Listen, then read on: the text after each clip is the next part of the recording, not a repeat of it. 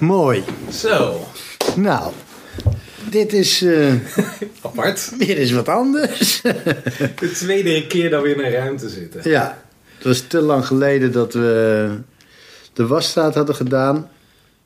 En de auto die blijft maar stuk zijn. Dus ik dacht, eh, ik kom gewoon naar Osdorp gefietst. Dan gaan we Dat doen we het even hier thuis. opnemen. Ja, precies. En, eh, we hebben weer drinken. Dus, Vertel, Peet. ja, als je het mij vraagt, is het echt heel erg druk geweest. Eh, ik, ik zie vooral bij jou zie ik een heleboel tweets langskomen. En eh, ik eh, ben afgelopen week ben ik heel erg druk geweest met Content Café. Ja. ik eindelijk heb ik wat gedaan. Vertel, ik wilde daar namelijk heel graag heen. Ja. Maar dat lukte natuurlijk niet. Nee, en ja, het, was wel heel erg eh, tof. Eh, we hebben, eh, het format is heel erg simpel. Eens in het kwartaal, dan hebben we eh, drie mensen die spreken, of drie sprekers die eh, spreken. op een avond op een locatie van een sponsor. Sponsor die, zeg maar, die geeft dan locatie en snoepjes, koekjes, chips, et cetera. En ehm, dat was dus afgelopen woensdag in Mangrove in Rotterdam. Ja. En eh, er hebben drie mensen gesproken. Eh, even kijken, moet ik het goed zeggen. Christian, eh Tamar en twee mensen die ik zelf heb aangebracht van de KLM. Dat is eh, Richard en Lennart. En die hebben daar gesproken. En dat was echt heel erg tof. Ehm, want het ging over responsive. En dat was natuurlijk ook de reden dat jij wilde aanhaken. Ja.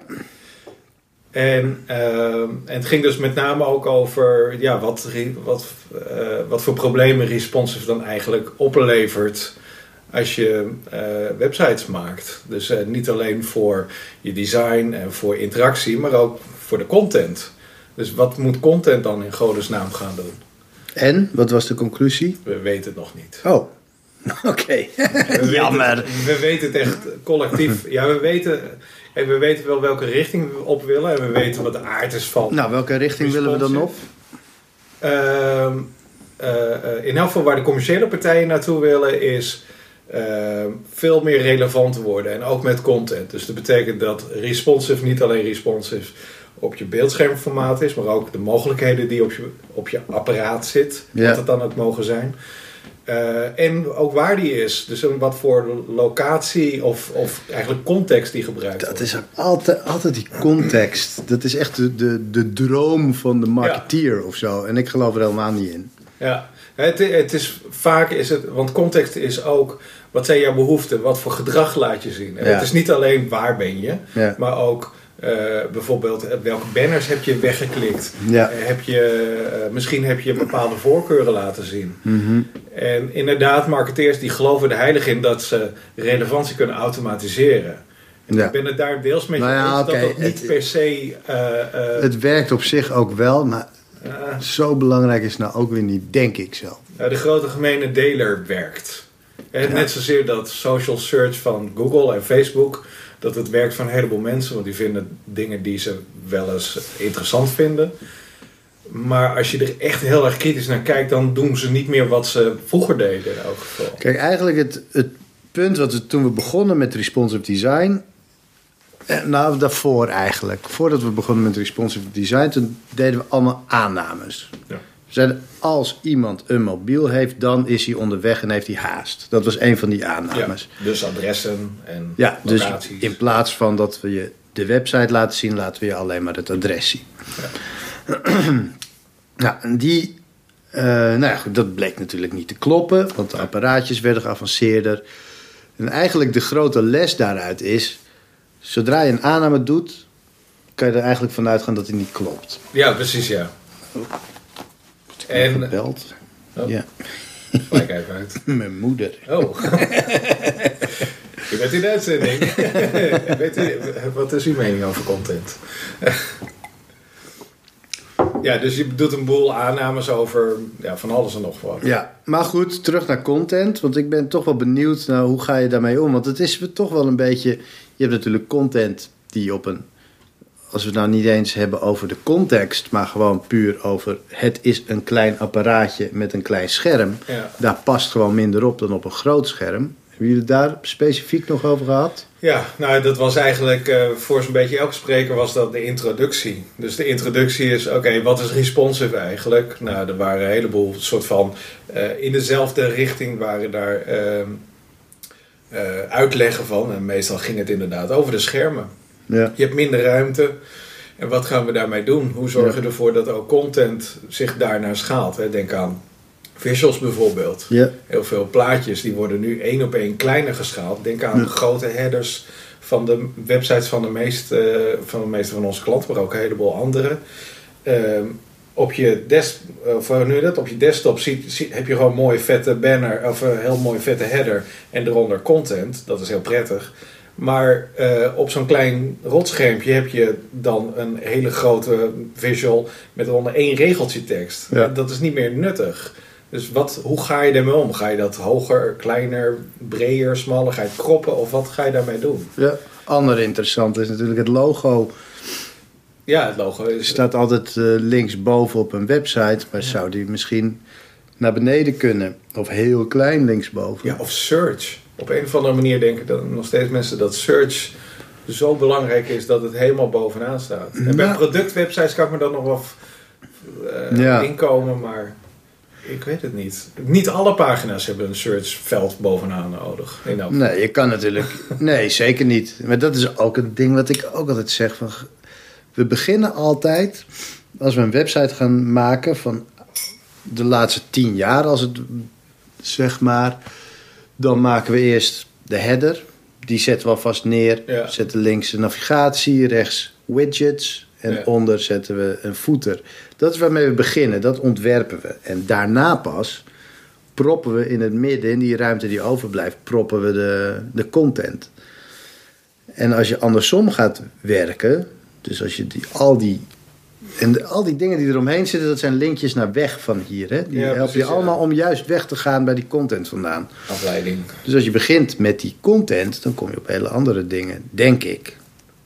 Ja, ja. Ik, ik, eh, je kan het ook zien als van wat is nou echt belangrijk op deze pagina, wat ja. we hier vertellen. Waar komen mensen en, voor? En dan zijn die dingen, dan merk je ook vanzelf van, nou, dit is eigenlijk niet belangrijk, want het leidt af. Ja. En kijk naar de, naar de klassieke voorbeelden van de, de Next Web website, zoals die in elk geval een tijdje geleden was had je zo'n klein pieterpeuterig verhaaltje en alles daaromheen was zelfpromotie, menus en wat hebben we gisteren gedaan en wat heeft vandaag iemand getweet en maar dat ging, maar, maar, die websites gingen ook helemaal niet over content, dat ging erover om mensen zoveel, zo lang mogelijk op een site te houden.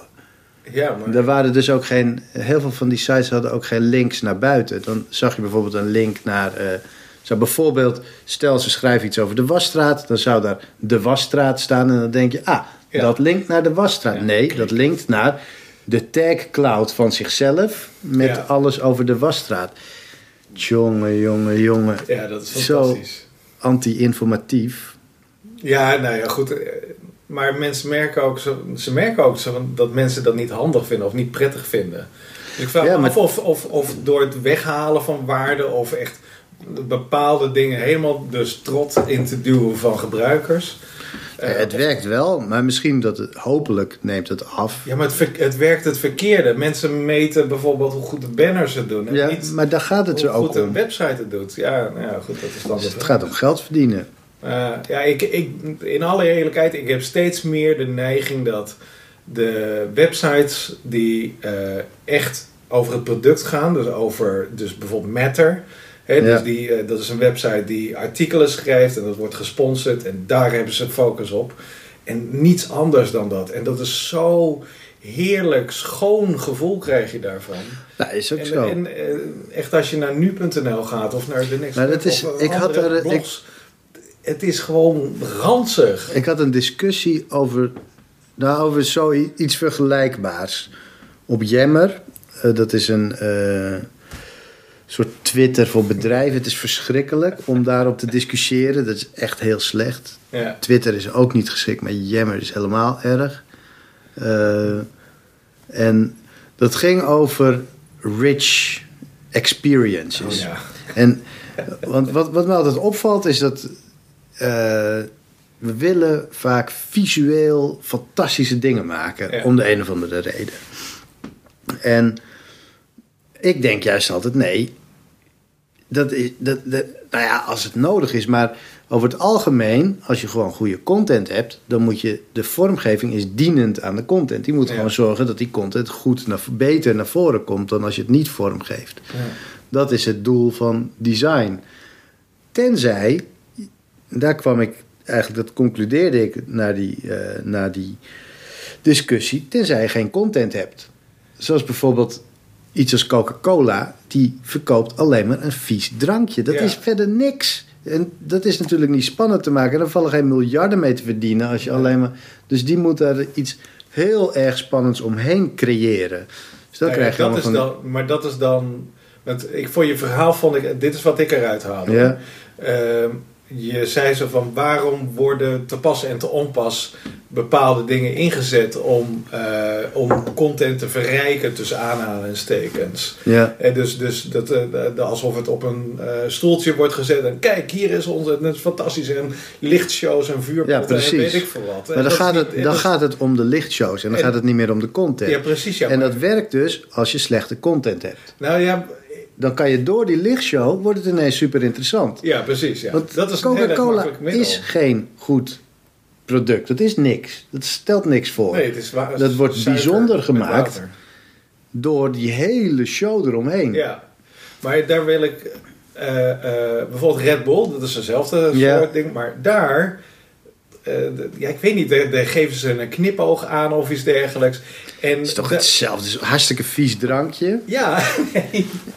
Maar Het is slechte nee, maar- Nee, nee, nee, content. maar mijn punt is, zeg maar, zij weten zo'n draai aan te geven dat hetgeen wat zij ernaast zetten, dat dat waarde heeft. Ik heb Dat altijd... dat tof is. Eigenlijk Hè, wat het op die, die, die je- luchtshows en die, en die eh, Ja, dat is tof. en Maar dat is tof. Maar de Ja, maar dat is, dat is wat ik zeg. zeg maar, dus die rich experience die ze eromheen maken, als die waarde op zich toevoegt, dan is het, dan is het oké. En dan, Oké, is, dus dan eigenlijk- is dat misschien hetgeen Eigenlijk moeten we bij Red Bull, Red Bull moeten we het andersom zien.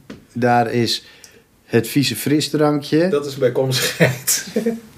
Dat zorgt ervoor dat we die toffe filmpjes kunnen zien. ja, exact. ja, Ja, ja. ja. een soort van eh, de extreme reversed eh, bij de sponsoring of zo.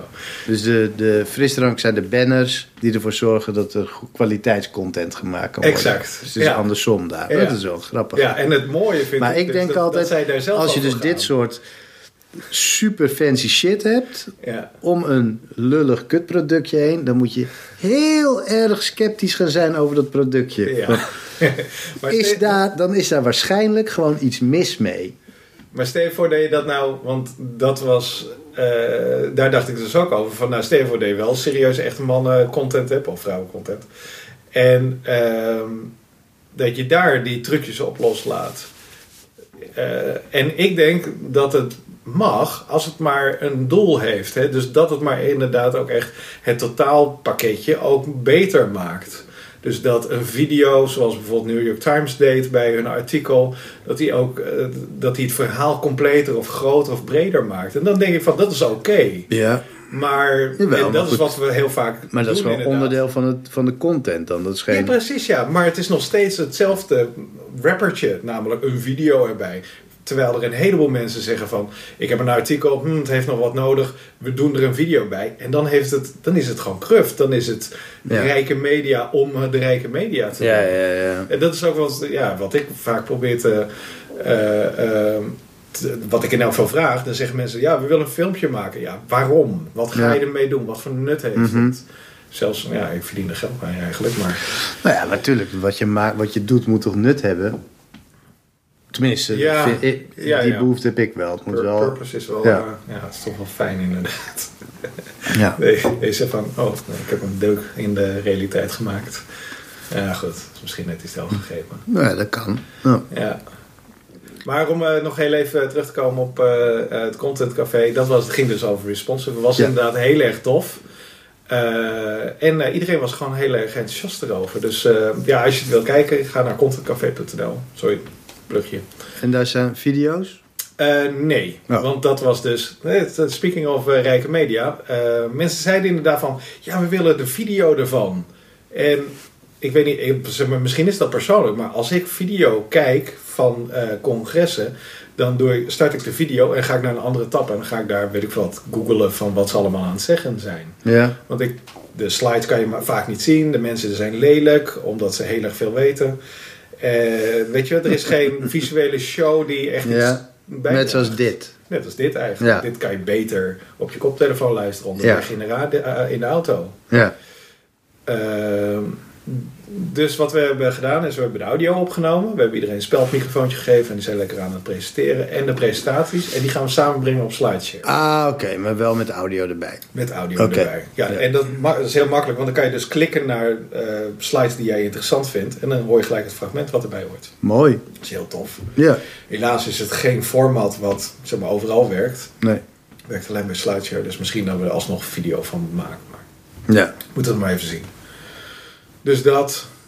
Ja, en cool. eh, ja, zeker. Ja, tof. Ja, ik vond het echt heel jammer. Vooral, ja, responsive is een beetje mijn onderwerpje ook. En, eh, ja, dat heb ik gehoord inderdaad. Ja. Of, nou ja, ik zie het ook wat breder. Want dat zei je net ook al. Van het gaat niet alleen over dat het respond. Dat het dus reageert op schermgrootte. Je Ja. website en je content. Maar ook op eh, bijvoorbeeld interactie. Van hoe heeft degene een muis. Of heeft degene alleen maar een dikke vinger om Ja, eh, ja. de boel mee eh, eh, te bedienen. Of misschien een joystick. Of alleen maar een keyboard. Dat soort dingen. Dat zijn heel interessante dingen. Dus het is veel breder. En dat heet eigenlijk progressive enhancement. En daar zijn we al. Dat is ook zo vreemd. Dat is dus iets wat in de frontend wereld al jaren gewoon wordt toegepast. Ja, Dat is iets wat heel bekend is. maar in alle andere niet. Nee, dus het is echt heel, heel erg nieuw. En Ja. dat. eh, Maar dat, dat is ook in design is dat niet zo. Hè? Als je dan net Nee. over gelaagd design, hè, dan is het, begin je Ja. niet zo van, nou, eerst ziet het er zo uit. En daarna, als je echt fitte, wordt het, eh, coole browsers hebt, ja. dan wordt het, er- wordt het zo. Of Ja, en dat, maar de- het probleem is dat de tooling daar ook. Er is geen tooling voor. Goed, Nee. daar hebben we het ook al vaak over gehad. Maar ik denk wel van als je gaat ontwerpen. Eh, wat we nu nog steeds doen is gewoon een, een plaatje maken voor de beste browser. Ja. Het, wat we het liefst willen zien. Maar het web heeft zo ontzettend veel verschijningsvormen. Je weet dat gewoon niet. Weet je, wat, wat jij op je scherm te zien krijgt, daar kan je bijna zeker van zijn dat niemand anders het precies zo te zien krijgt. Alleen al schermkwaliteit. Bedoel, niemand zijn beeldscherm is exact even goed als iemand Nee, anders de een beeldscherm. kleurinstellingen, dat soort dingen. Ja. Wat voor licht je hebt. Ik, Ja. We moesten vandaag gordijnen. Dus dat is, al, eh, dat is al één ding natuurlijk. Dan weet je niet hoe iemand eh, ermee omgaat. Of je een muis gebruikt. Of je bijvoorbeeld eh, toetsencombinaties kent. Ja, koptelefoontjes in heeft. de, je weet het allemaal niet. Schermgrootte weet je niks van. Schermgrootte is misschien ook niet altijd relevant. Eh, browsergrootte. Nee. Hoe groot is jouw browser binnen jouw scherm? Eh, Maar weet je wat ook vergeten wordt? Voorkeur van mensen. ja, Wat ze, wat ze graag als eerste willen zien. dat. Maar ook bijvoorbeeld de instelling dat je je eh, fontgrootte kan aanpassen in je browser. Ja, Je kan gewoon zeggen van ik wil minimaal een font van 20 pixels. Dus je hebt daar helemaal geen controle over. nee. En dat vind ik Als opvallend als designer. Ja. Je kan daar controle over hebben door die verschillende lagen die er nu eenmaal bestaan binnen een website. Dat zijn technische lagen, maar die kan je allemaal vormgeven. Dus bijvoorbeeld de content, wat er uit veel CMS'en komt, is gewoon een blob aan letters. ja.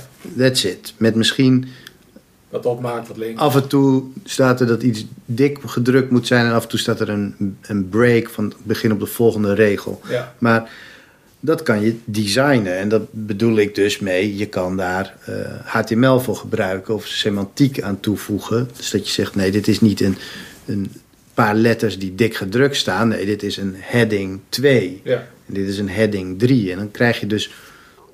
Dan ben je de tekst aan het vormgeven. Dan ben je de boel aan het ja betekenis aan designen. het geven. Ja, Ja, dat kan je daarna weer, die letters kan je daarna ook weer echt gaan vormgeven voor specifieke apparaten of voor wat apparaten allemaal kunnen. Mhm.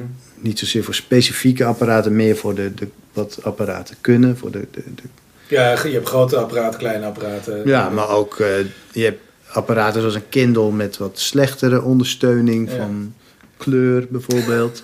En eh, Ik heb er net een gekocht.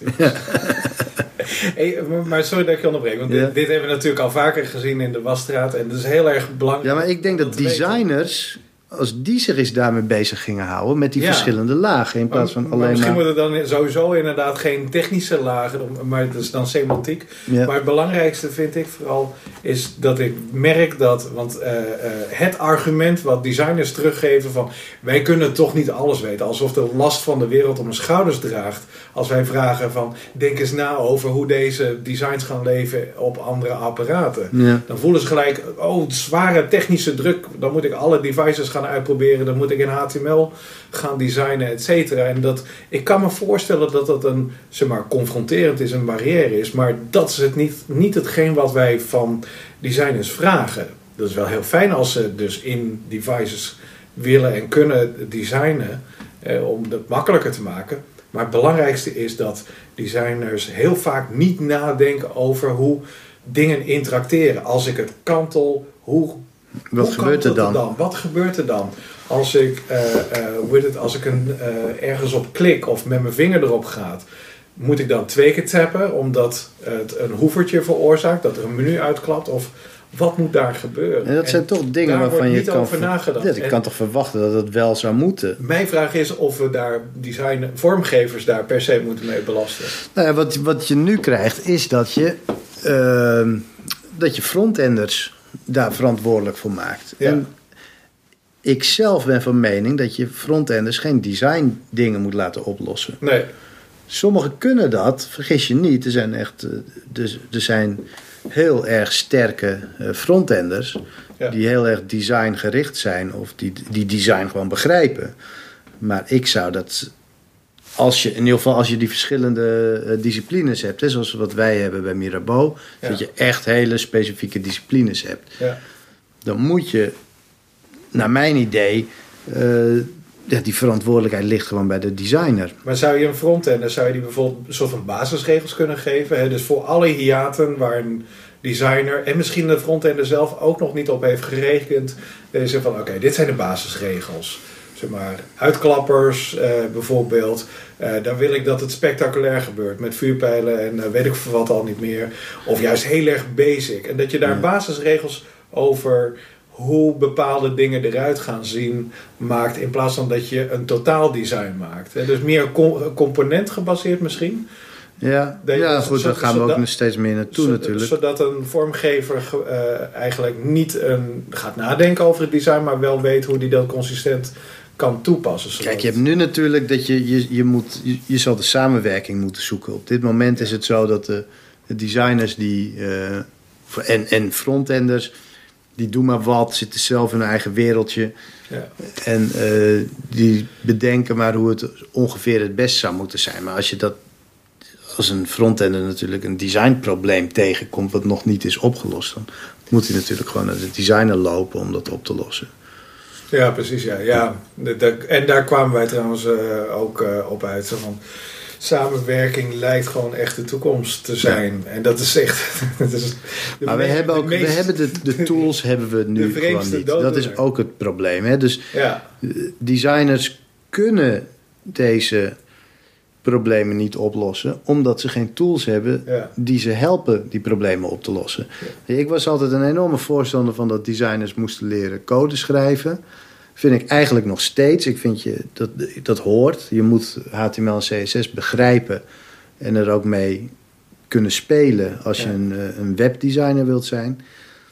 Ehm, maar goed, ik weet aan de andere kant weet ik gewoon ook dat dat gewoon niet gaat gebeuren. Nee. gaan- mensen gaan het niet doen. Die werken liever met Photoshop. Wat trouwens, grap, had je het gezien dat Photoshop 1.1 is vrij, of 1.0, de Dit is eerste open versie. source geworden, hè?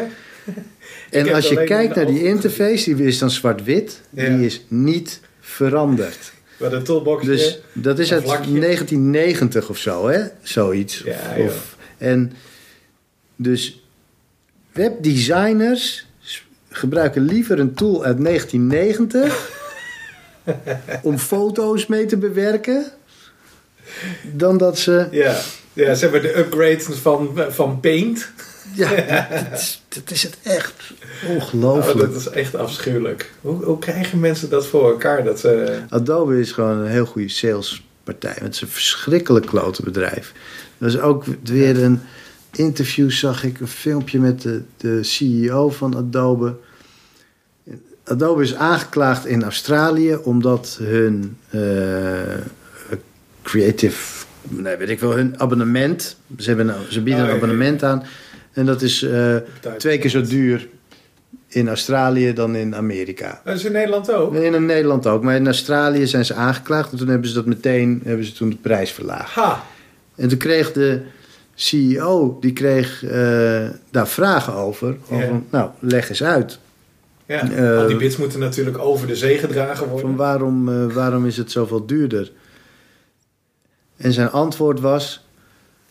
Wij geloven dat de Creative Cloud een fantastische oplossing is... waar bedrijven heel veel aan hebben.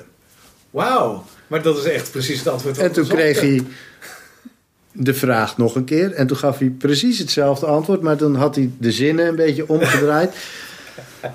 vuile, vuile rotzakken. Ja. En daar geven we allemaal ons geld aan. Hè? Elke keer weer. Een mediatraining. Ja, ja. Dat is inderdaad prachtig. En Adobe heeft dat slim gedaan. Die zag gewoon op een gegeven moment... Ja, weet je, die, die, die updates die we doen... die slaan helemaal nergens op. Stop er een featuretje in...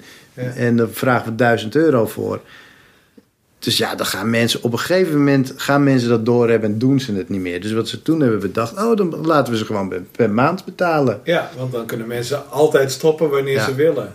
Niet realiseren dat je in een jaar koop je zo'n compleet pakket af. En als je dus een abonnement neemt, dan heb je het niet meer. Dan ben je het klaar.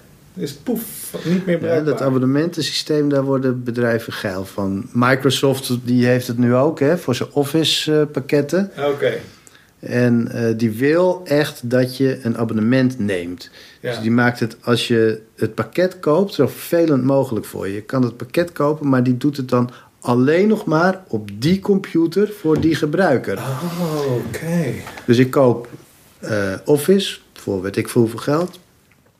En dat installeer ik dan op mijn computer. En dan wordt mijn computer gestolen. Dan moet ik Office opnieuw kopen. Wow, Ja. dat is gaaf. Ja, Dat is wat ze ook met Windows doen. En dat noemen ze dan, weet ik wat, Certified Piep of zo.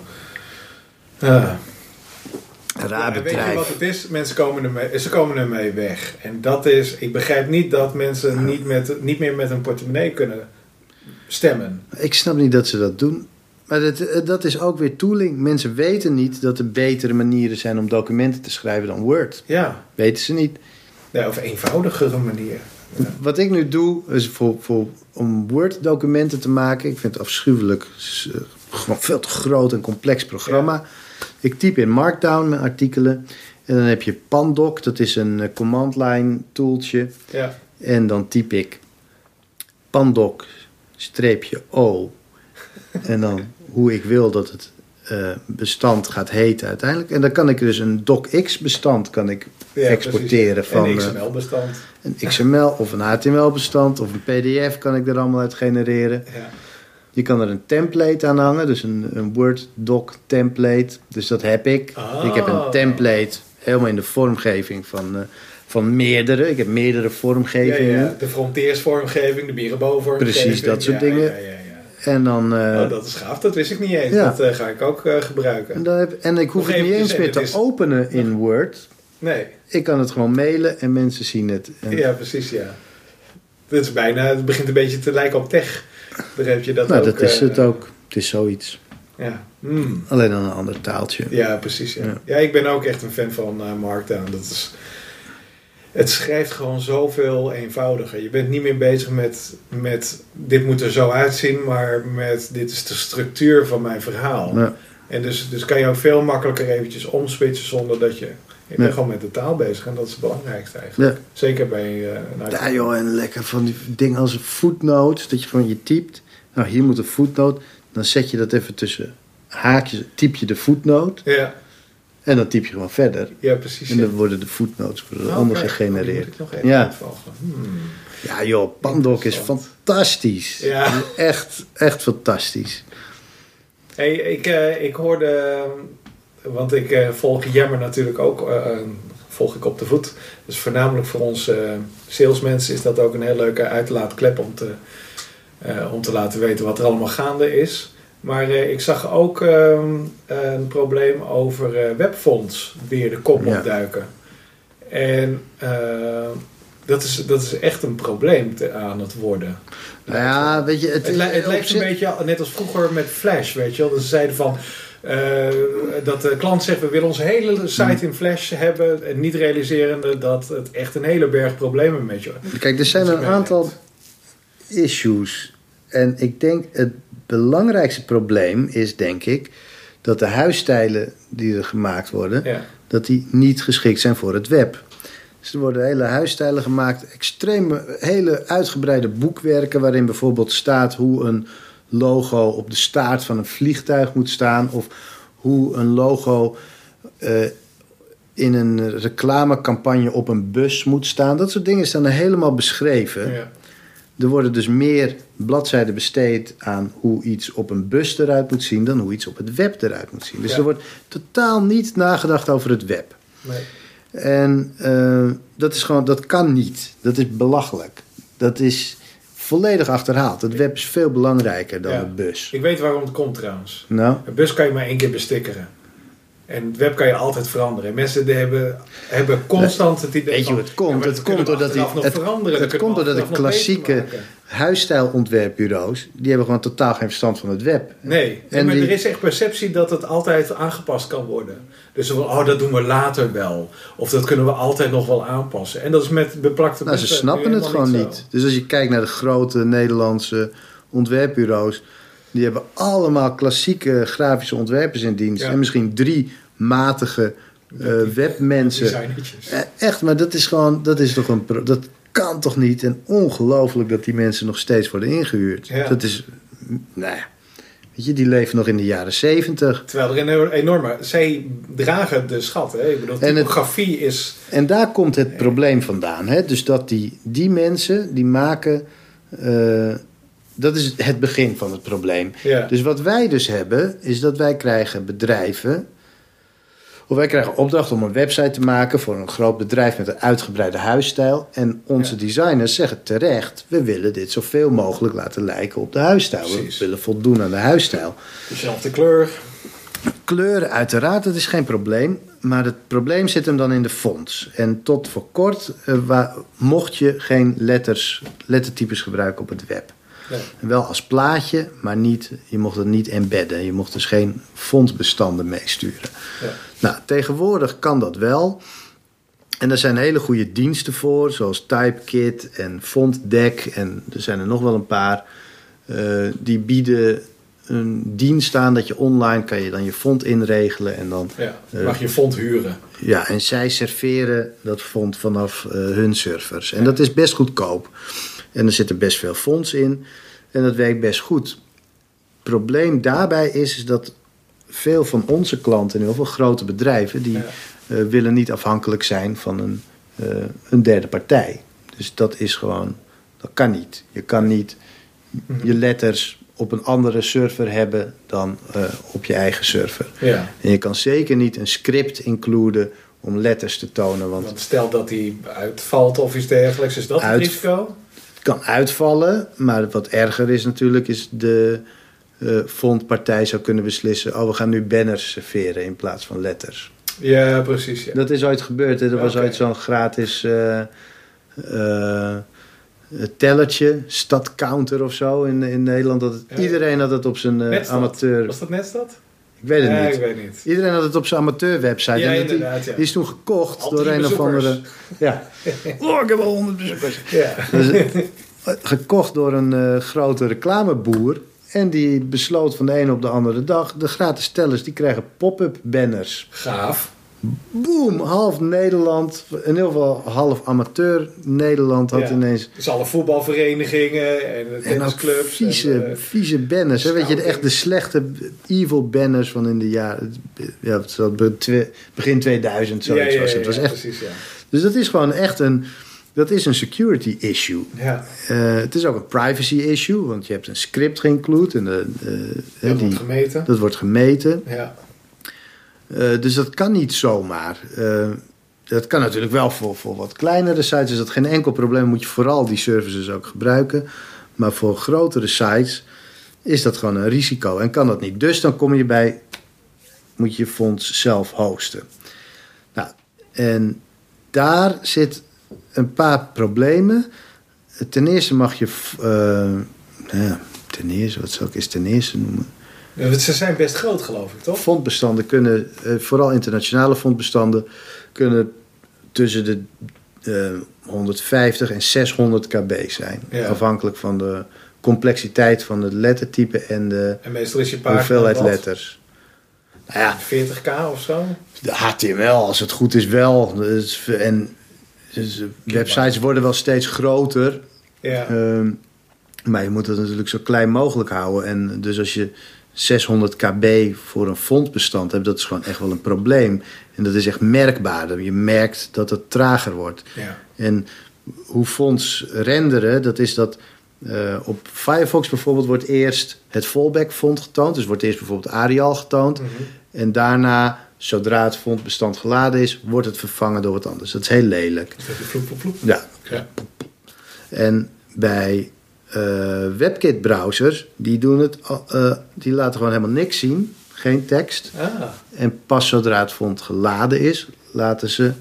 Maar kan je dat niet programmeren of zo? Kan je niet ervoor zorgen dat dat dus op de juiste volgorde gebeurt? Zodat Ja, je altijd ja. iets te zien krijgt? Je kan natuurlijk extra eh, scripts gaan toevoegen. Ja.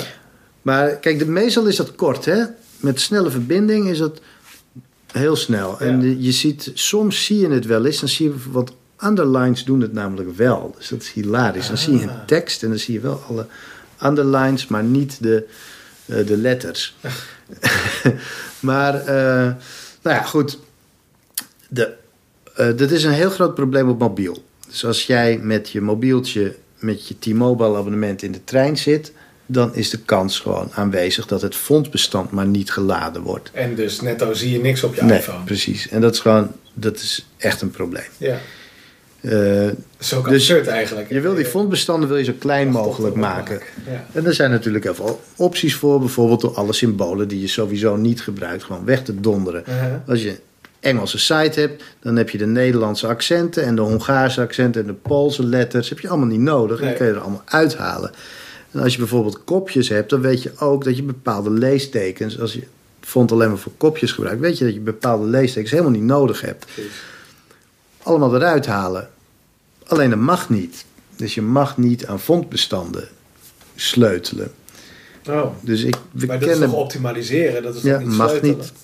Dat is het fondbestand. Je neemt de licentie af op het fondbestand en dan mag je niet aanzetten. Dat staat in de voorwaarden. Dat Oké, je, maar wa- wat is de achterliggende gedachte dan? Waar, hoe, eh, ik bedoel, het, het klinkt gewoon heel erg logisch dat je zegt van, nou, we- dit is prima, dit is het basispakket, dit is nasi. En weet je wat, we halen alle reepjes eh, ei eruit, want we zijn allergisch ervoor. Ja. Dat moet toch kunnen? Dat, Ja. En dan zeggen van, kijk, ja, dit is mijn nasi. ja. Nee, dat mag niet. Want, eh, maar is, is daar angst of zo? Of versleutelen ze dat ding? De- dat, ze, dat ze denken van, maar misschien dat, dat ze dan op een andere manier publiceren? Of, Ik weet niet precies wat er is, maar dat, dat is iets eh, raars met fondlicenties en wanneer. Een fond is een programma of zo en daar zit. Oh, eh er zit. eh, er zit allemaal logica in. nee, nee, dat wordt gezien als een programma. Er zijn rechtszaken over geweest waardoor is bepaald dat een fond een programma is. En dan is het, dan zit daar copyright op of zo. Ja, precies. En dan mag je het niet aanpassen. Ja, het is gewoon een. Ja, dat klopt inderdaad. Het is een juridisch. Windows mag je niet aanpassen. Het is een juridisch argument. Het Ja. is dus geen. Ja. En, ehm, dus het is. Interessant. Ja, het is super Maar dit hebben ze wel zelf veroorzaakt, de, de font. Nou ja, kijk, we zijn al lang blij dat de Fond inmiddels toestaan dat we fonds mogen gebruiken. Want daarvoor Ja. werden headings of van plaatjes gemaakt, waardoor je het niet kon selecteren, waardoor je, Mhm. dan kon je er niks mee. Of van Flash, wat natuurlijk ook verschrikkelijk is.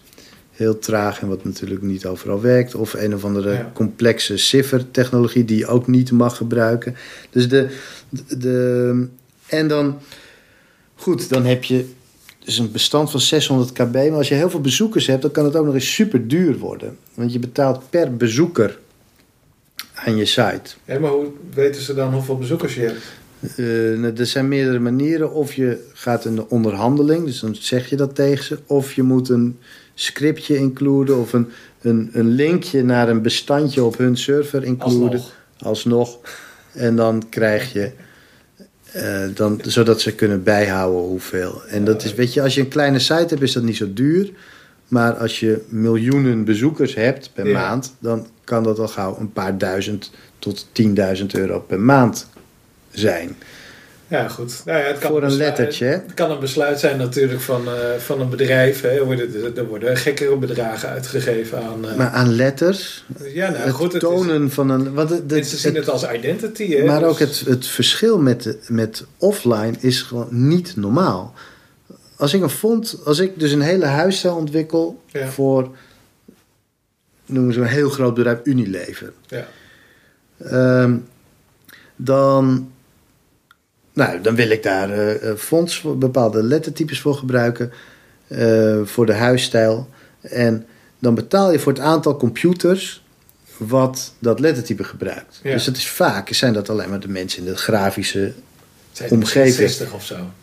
misschien. Ja, Wat kost dat? 60 keer 50 euro. That's it. ja, ja. ja. Als je. maar voor het web hebben ze gezegd: ja, zo gaat dat ook werken voor het web. Want iedereen die het bezoekt is een gebruiker van Ja. het fond, dus die moet betalen. En dan vinden ze dat ze heel erg schappelijk zijn, namelijk dat ze ons korting geven, want we hoeven geen 50 euro per bezoeker te betalen. Nee, jongens. Maar het is echt. Ja, het is, het is niet het... Ja. Het, het, het- ja. Hey, nou ja, Ja. en daar, daar wind ik me vooral over op. Over die, die, dat, dat, dat bedrijven zo vervelend doen daarover. Dat ze, met, dat ze het moeilijk maken in plaats van het tof maken. Ja. Als ze het tof maken, gaan meer mensen het gebruiken. Nu doen ze moeilijk. Hetzelfde met DRM, Digital Rights Management voor boeken. Daar las ik gisteren een mooi artikel over van de, op Aliste Part. Wat gaat over. ehm, eh, een, van de dingen die hij daarin noemt is: we hebben eh, als het makkelijker is en nuttiger is om een eh, papieren boek te kopen, Ja. dan heeft het huidige e-book beleid gefaald. En dat is nu zo. ja, Mensen kopen liever een papieren boek omdat het makkelijker is.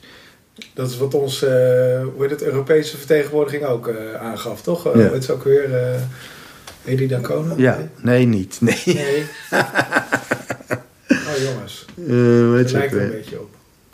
Of ook, eh, misschien helemaal niet. Nee. Eh enfin. Maar die, die, eh, die gaf dat ook aan. Die zei zo van, eh, dat ging dan over bela- belastingheffing of iets dergelijks. Dat de BTW op een eh, normaal boek la- vele malen lager was Oh ja. dan op een, op een e-book. Dat is een van de Waardoor issues. een e-book letterlijk duurder was dan een fysiek boek. Ja. En ik had vanochtend een discussie hier over e-books met Katrien, mijn vrouw. Ja. En zij vroeg, maar zo'n e-book, kan je dat dan niet gewoon kopiëren? En aan iemand anders geven? Ik zei, ja, natuurlijk. ja, Nou en? Kan je ook met een normaal toen- boek doen. Ja, je kan het. Kan weggeven. Normaal boek kan je ook weggeven. Dus dat probleem, dat was er altijd. al. Dat is helemaal niet veranderd. Nee. Of als je het als een probleem ziet. Je kan ook zeggen, het wordt aan iemand anders gegeven. Dan kennen twee mensen jouw werk in plaats van één. Ja, precies. En als het niet kan, dan kent maar één mens jouw werk. ja. En de, een ander argument is natuurlijk... er worden miljoenen uitgegeven aan het voorkomen van dit soort dingen. Dus er worden hele... Dus ik kan bijvoorbeeld... Ik kan in een week kan ik een mooi vormgegeven e-book maken. ja. Dat Dan heb kan ik in- geprobeerd. Ja. Heel mooi gaat niet lukken, maar ik ben, ik ben nu inderdaad bezig... Nuttig e-book. Ja, dan kan je een e-book maken. Of nou, in, ik heb nu twee dagen eraan gewerkt en nu is het aardig. En ik denk als ik een week eraan werk, dan kan ik echt iets moois maken. Ja. Eh, dus in een week moet dat kunnen, als je echt je best doet. Misschien twee weken, maar Allah, laten we er één week van maken. Ja. Als ik nu wil dat, dat, eh, dat het moeilijk is om dat te kopiëren, Ja. dan ben ik waarschijnlijk wel twee maanden bezig. Ja, precies. Ja. En in die twee maanden- ev- Eventuele dingen moet je dan Ja. erin zien te bakken. Ja, en in die twee maanden kan ik ook acht boeken uitgeven. Ja, inderdaad. Ja. In plaats van me bezighouden met het zorgen dat me- mensen het zo moeilijk mogelijk kunnen lezen. Want dat is eigenlijk wat je doet. Hè? Ja. En ehm, Maar, maar het ding wat in een boek zit, dat zit, is voornamelijk een hele lange proces wat ervoor zit. Hè? Ja, Dus, dus het schrijven, dat is, dat, daar zit de moeite in. Dat, Ja. En het opmaken en redigeren. En ja, dat zijn de dingen waar men, waarvan mensen zeggen van... Ja, maar dit, dit is niet het product van het typen, maar dit is een product van al de periode die daarvoor zit. Tuurlijk. Dat wil ik, ik wil heel graag hier ge- mijn geld mee verdienen. ja, En dat is een beetje net als in de platenindustrie. Die zeggen ook Ja. zo van, ja, we willen met onze muziek geld verdienen. En vooral studioartiesten die zeggen van, en elektronische artiesten. Ja, wij, maar wij willen dit maken. En we willen niet optreden, want ja. eh, we willen niet de boekentour doen. Dat is een, Hm. Dat, daar, ja, misschien daar verdienen we één niet genoeg geld mee. En het is helemaal niet leuk. maar goed, dus je kan, dus, je kan dan beslissen, nou dan gaan we het moeilijk maken om te kopiëren. Ja. Alleen het punt is, je kan het niet onmogelijk maken. Nee. Dus het is een constante strijd is het tussen bedrijven die willen voorkomen dat je het kopieert en mensen die het willen kopiëren. En er zijn Ja. hele goede redenen waarom je eh, onder DRM uit zou willen komen. Bijvoorbeeld, DRM maakt vaak gebruik van servers. Dus er wordt gecontroleerd Ja. op een server die heel erg anders staat, is dit boek wel van dit apparaat? Zo nee, dan kan je het niet lezen. Als die server stuk is, zijn Ja. jouw boeken stuk. Kan je je boeken niet zit meer op lezen. Texel, geen internet, Ja, kan je niet lezen. Dat is absurd. ja, is toch waanzin? Ja, dat is het. Maar dat is raar. Dus er zijn hele goede redenen om dat te willen omzeilen. En er zijn dus de hele tijd zijn er mensen die bezig zijn om nieuwe DRM-dingen Ja. te kraken. En terecht, heel goed dat ze dat doen. Maar je hebt dus een industrie die, op, die daar op, weer op reageert. Oh, dan Ja. moeten we dit weer moeilijker, moeilijker maken. maken. En dan, dus in plaats van dat ze er be- bezig zijn om het makkelijker te maken om een boek te lezen, zijn ze alleen maar mee bezig om het moeilijker maken om Ja. een boek te lezen. Wat weer ervoor zorgt dat mensen naar manieren gaan zoeken om het makkelijker te maken om zelf dat boek te lezen. Ja. Dus in plaats van dat je die heel die aandacht stopt in het moeilijk maken, moet je het juist makkelijker maken ja, precies. Ja. om die boeken te kopen. De- de- dus we krijgen veel meer innovatie. Misschien je zelfs wat tegen nieuwe verdienmodellen aanloopt. ja, nou ja, je ziet wat, wat is gebeurd. Het, volgens mij hebben toen op een gegeven moment iTunes nummertjes per stuk ging verkopen Ja. En eh, de DRM eraf haalde. Vanaf dat moment toen verdiende ineens de muziekindustrie meer dan ooit. Ja. Meer dan ooit. Ja. Dus dat werkt juist. En, maar dat, Ja. mensen konden het delen, maar mensen delen het niet de hele tijd. Ik, ik koop Nee, dat muziek. is, dat is moeilijk. Of dat is een activiteit. Ja, maar dat doe je toch ook niet de hele tijd? Ik heb een hele boekenkast vol met boeken. Ik ben toch niet de hele tijd al die boeken aan het uitlenen? Nee. Nee. Maar grappig genoeg, eh, stel dat mensen willen delen, Ja. dan doen ze dat omdat ze het tof vinden. Ja. Dus dat zijn je, dat zijn je fans Ja. die je aan het blokkeren bent. Ja. Je bent niet... eh, Ja, je bent eh, naamsbekendheid ook aan het Je maken. bent geen criminelen aan het blokkeren. Hm. Nou, misschien ook en passant, maar dat is misschien een pro- Ja. procent of een promiel van alle fans die het onmogelijk maakt om je product te eh, consumeren. Maar het is natuurlijk ook, komt het denk ik door het idee van niet dat we geld moeten verdienen met dit soort dingen, maar dat we rijk moeten worden van dit soort dingen. Er is een, een soort van Oh, bedoelt- American ja, ja, Dream ja, waarbij muzikanten die, die willen niet leven van hun muziek, die dromen ervan om superrijk te worden van de muziek. Er is een, een beeld geschapen van rocksterren die superrijk zijn en dat is, dat is het doel.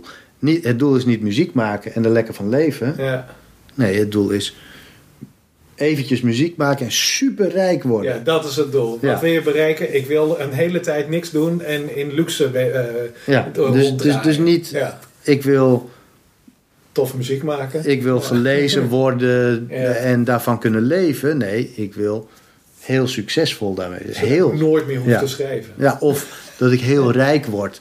Weet je, Ja, en ik denk dat daar het probleem zit. Het gaat niet, niet meer over eh, leven van wat je doet, gewoon leven. Mhm. Nee, het gaat om heel erg rijk worden. ja. En dat is een. d- Daar, da- daardoor worden mensen, nou ja, greedy natuurlijk. En dan krijg je, ja. gaan mensen vervelend doen. Ja, precies. Ja. Ja. daar gaan mensen eh, advocaten inhuren en mar- marketen. En, En om die te kunnen betalen, moet je meer vragen voor je product. ja, ja, inderdaad. Ja. Oh, God, we zitten in een visueuze cirkel. Ja. Maar ja, wat moeten we hiermee? ik weet het niet. nog meer wasstraten maken. Voor een nog groter publiek. We hebben nog geen feedback gedaan. Oh ja, inderdaad. Ja. We zitten natuurlijk ook niet in de wasstraat. Nee. Eh jongens, feedback. Is ook alweer We lang geleden. Ja, het was de drie... eh, even kijken, dat was wasstraat. Veel feedback gekregen. Oh ja, want jij Vooral- had enorm eh, heet het Rijksmuseum lopen pluggen. Ik Jongens. Het Rijksmuseum geplukt. En en Q42. Q42. En daar heb ik gemengde feedback op gekregen.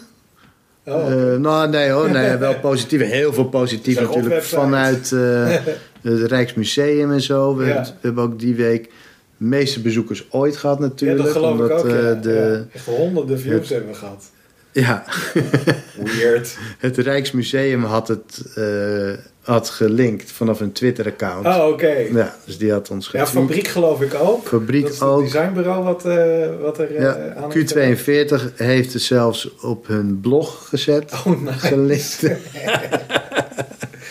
Ja, Ja. Nee, hele positieve feedback op dat kleine stukje. ja. En het, ik vond het wel tof, want het werd ook, eh, ze voegden ook content toe. Het was niet zo van wel dat wij een tweet hadden gemaakt en dat zij het gewoon retweeten, et cetera. Nee, er waren mensen die oprecht enthousiast waren over hetgeen wat je zei. Ja, En zo van, oh oké, ja wauw, dit, Ja. dit is inderdaad, dit is geen kunst op zich, maar het is, eh, wordt het echt gewoon een waanzinnig nuttige website. Die ook nog eens mooi is. ja. Nou, Dus, en ik eh, had ook wel discussies binnen Mirabeau. van Moet je wel een concurrent gaan lopen pluggen? Hè? En ik dacht, ja, hoe bedoel je? Ik zit niet een concurrent te pluggen. Ik zeg gewoon dat ik Tof Q42 vindt. een heel erg tof bureau vind. Die hele toffe dingen doen. En dat is, daar kan je mee doen wat je wil. Ja, Ik zeg niet dat, eh, dat ons bureau slecht is. Nee, ik zeg gewoon van, dat is een fantastisch bureau. ja, die hebben echt toffe dingen gemaakt Ja. ook. En blijkbaar, eh, de- daar is dan eh, eh, ja, ruimte voor. En dat zeg ik ook bijvoorbeeld. Ja, maar er zijn meerdere bureaus die heel goed zijn. Maar dat, ik zal het maar over ophouden. Oké, er komt nu de lijst. nee, ja, maar dat was inderdaad het hoogtepunt. Ja, de mentions over het Rijksmuseum, dat was heel erg relaxed. Ja. Dus ik stel voor dat we elke, elke keer eventjes een website ja ik heb, enorm in het zonnetje zetten, want het lijkt te helpen. Eh, maar voor de rest, ja. weet je, ik wil misschien ook wel eh, pleiten voor. ehm, eh, want dit, ik vraag me nog steeds af en toe af van voor. Ja, goed, wie, wie het kijkt, dat interesseert me eigenlijk niet zo heel erg.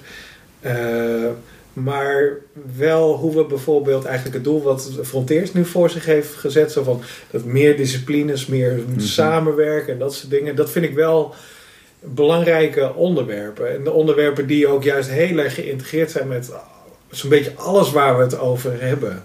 Eh, over responsive, over de fonds, maar ook over hoe je geld verdient Ja, en zo. Dat is zo multidisciplinair. Dat lijkt ook bij het Content Café en bij, nou, bij Frontiers dus eh, al veel eerder echt een belangrijk ding te zijn. Daar zag ik, bij Content Café zag ik ook designers en daar liepen ook Frontiers rond en interaction designers. ja, Want die vinden dat belangrijk. is het ook. En dat dit onderlinge, die onderlinge interesse, dat moet gekoesterd worden. Dat moet uitgebreid worden. Absoluut. Dus eh, ja, daar wil ik het zeker nog eens een keer... Ja, misschien moeten we daar nog een onderwerpje voor vinden of zo. Ja. Misschien kunnen we nu direct nog een aflevering op gaan nemen. Ja, hierna inderdaad. Het, gelijk, Wasstraat 25. Dan Ja. we hem alvast op de plank. Ja. Dan trekken we een ander t-shirt aan. Voor de vorm. ja. Eh, maar is mij, wat zijn we nu wel ongeveer aan de tijd, of niet? Ik weet niet. Ik weet het niet. Het is nu 8 over 12, dus dan zijn we drie kwartier bezig of zo. Misschien al wel langer. Ja. Laten we in elk geval een pauze doen. Ja, precies. Ja. Oké, Hey. straks. Doei. Doei.